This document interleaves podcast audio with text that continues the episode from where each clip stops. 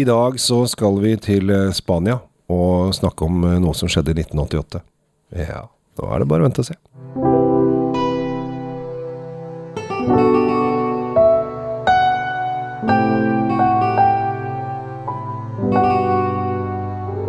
Hei og hjertelig velkommen til dagens eh, episode. Eh, Tom Omrati og Kjell Gabriel eh, Henriks har funnet ut at de har lyst til å lage podkast sammen, og det gjør vi støtt og stadig, og det håper jeg dere setter pris på. I dag så er det jeg som har fått æren, gleden og selvfølgelig oppgaven av å skaffe noe vin til bordet, og det har jeg virkelig gått til verks for å finne en liten raring. Jeg er jo en sånn snorningens fyr, selv om Tom mener at jeg er Uh, mainstream og du er, så, du er, så, gjennomsnittlig, så det er ikke gøy engang. Men uh, du, du, prøver, det skal du ha. Du prøver. Det er viktig å prøve seg litt uh, frem. Vi skal til druen som ofte kalles Spanias svar på Cabernet Sauvignon. Vi skal til Tempranillo.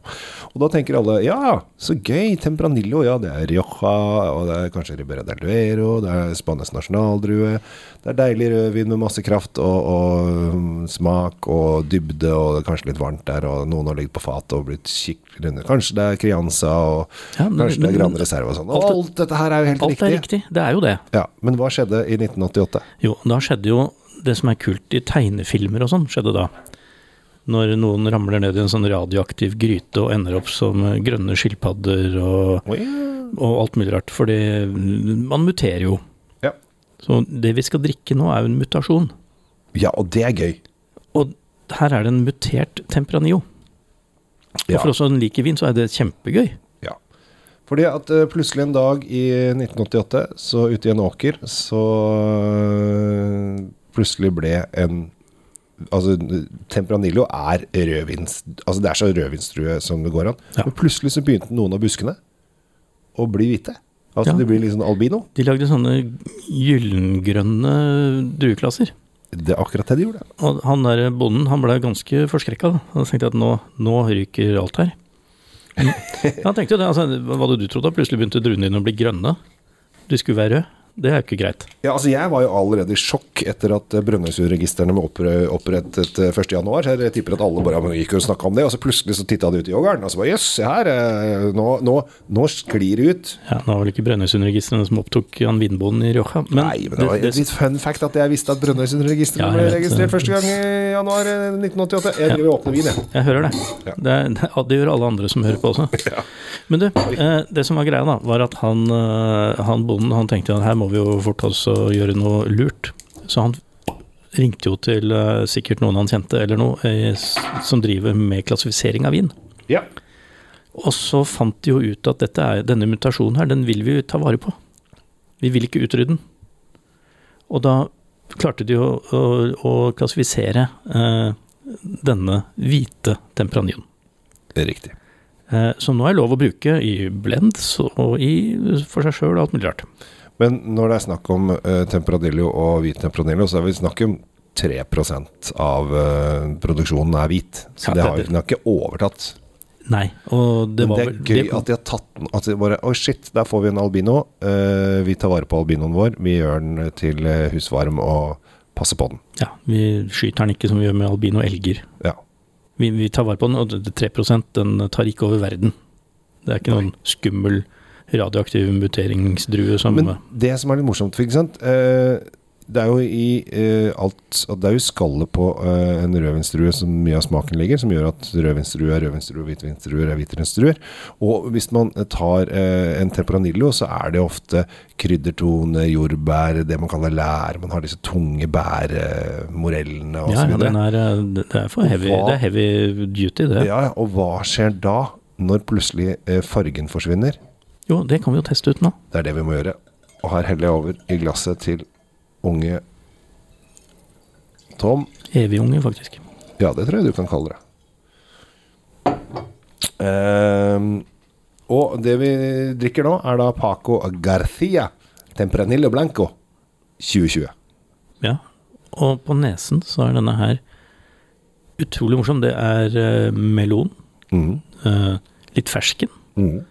Uh, altså den type gule frukter. Uh, og litt sånn uh, Noe urter, jeg vil ikke si krydder, men sånn urtetoner som ligger eh, bak her. Yes. Og til sammen så blir det et bilde av en Å, jeg får så lyst til å dra til Spania jeg nå.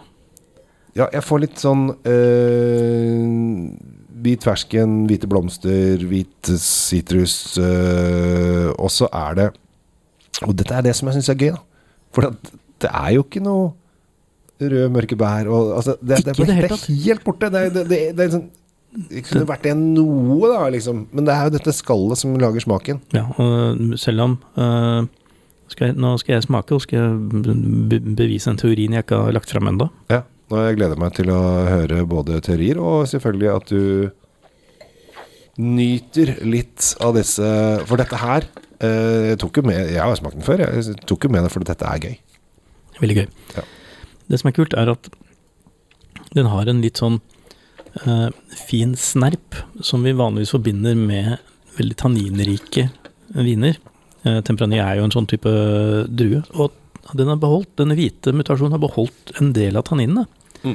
Og det, det kjenner du veldig tydelig. Du får denne lille snerpen, denne uttørkingen, som er veldig, veldig typisk, men som man ofte ikke tenker på er i hvite viner. De fleste viner som har hatt skallkontakt, har tanniner, men noen er bare borte. Vi, vi tenker ikke på dem. Nei. Men denne har det. Hvis du kjenner etter, så har den det. Ja, den er sånn Ja, så den er rett og slett tørr. Den er litt tørr. Den, Ja. den Tanninen hjelper til med å tørre ut. I tillegg til at den, den Det er jo ikke mye sukker i dette her i det hele tatt. Og den har en veldig fin, balansert frukt-syre-ratio, for å bruke det uttrykket.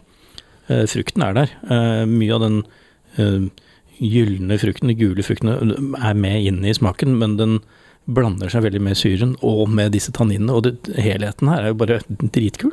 Mm. Rett og slett dritkul.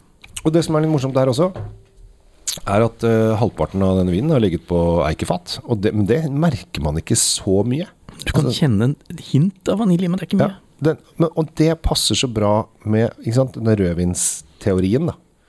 Hvis du kan kalle det en teori. Altså den rødvinstanken at du har litt av tanninene, og da plutselig kom litt av fatet, men samtidig så ligger den hvite fersken eh, og sitrusen ligger der som en stødig skip som bare sklir igjennom. Stødig skip. Ja, Ja, ja. Det, var, det var et fint bilde. Det syns jeg av og til så er jeg dritbra Jeg syns Paco har vært øh, god, altså.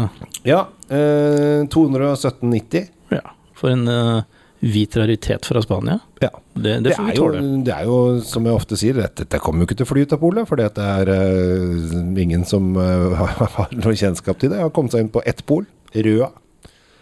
Ja, Da kan vi jo snakke til de uh, som hører på nå som er i området Røa. Dere får tusle opp på polet og se om det er noe Paco Garcia igjen oppå der. Ja, og det som er litt morsomt med, med Røa-polet, er at han er jo kjent, han som er daglig leder på Røa, er jo kjent for å dra inn litt Litt annerledes viner og gi publikummet en liten ekstra opplevelse. Og det er det også Pol skal få skryt. Det fins så mange entusiaster rundt på forskjellige pol som tar inn viner de bare Jøss, dette her må vi få gjort noe med.